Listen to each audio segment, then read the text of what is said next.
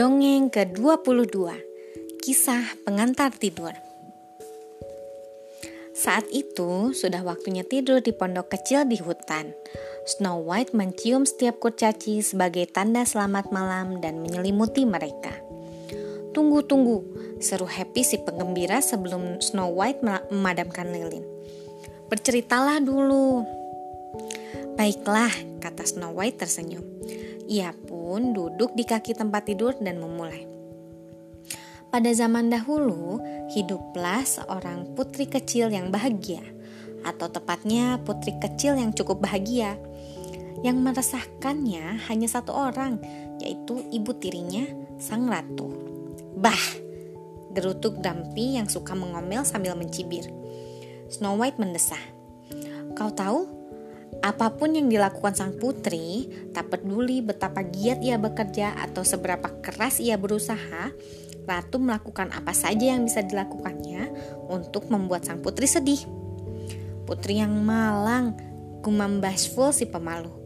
Oh, tapi jangan khawatir, Snow White menenangkan.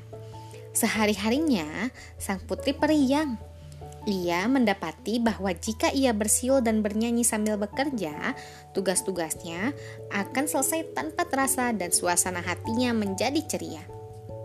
Selain itu, ia selalu punya impian karena ia benar-benar percaya bahwa jika ia cukup keras menginginkan sesuatu, tentu keinginan itu akan terkabul.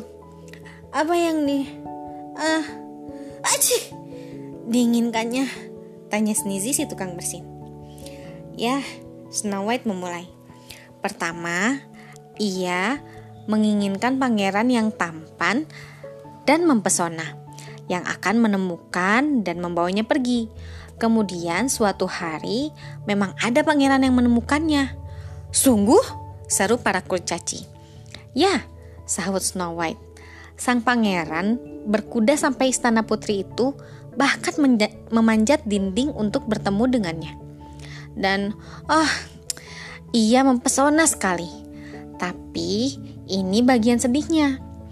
Keesokan harinya, pemburu ratu membawa putri itu ke hutan dan menyuruhnya lari jauh-jauh, serta melarangnya kembali. Lalu, apakah sang putri melakukannya? Tanya Sleepy si pengantuk. Ya, jawab Snow White. Ia lari sampai tidak bisa lari lebih jauh. Saat itu, barulah ia sadar bahwa ia tersesat dan sendirian, tanpa teman, dan tidak punya tujuan. Putri yang malang, bisik Bashful. Sang putri pun beranggapan begitu, ujar Snow White. Sebentar saja, karena ia kemudian menyadari dirinya tidak sendirian sama sekali.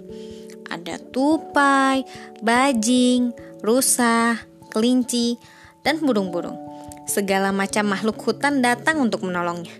Mereka mengajak sang putri mendatangi pondok kecil, pondok kecil tercantik yang pernah kita lihat dan teman-teman paling setia yang dapat dimiliki seorang putri. Dan apa yang terjadi selanjutnya? Gerutu Grumpy. Ya, mereka hidup bahagia selamanya tentu saja. Bagaimana menurut kalian? Sekian. Terima kasih telah mendengarkan. Selamat malam.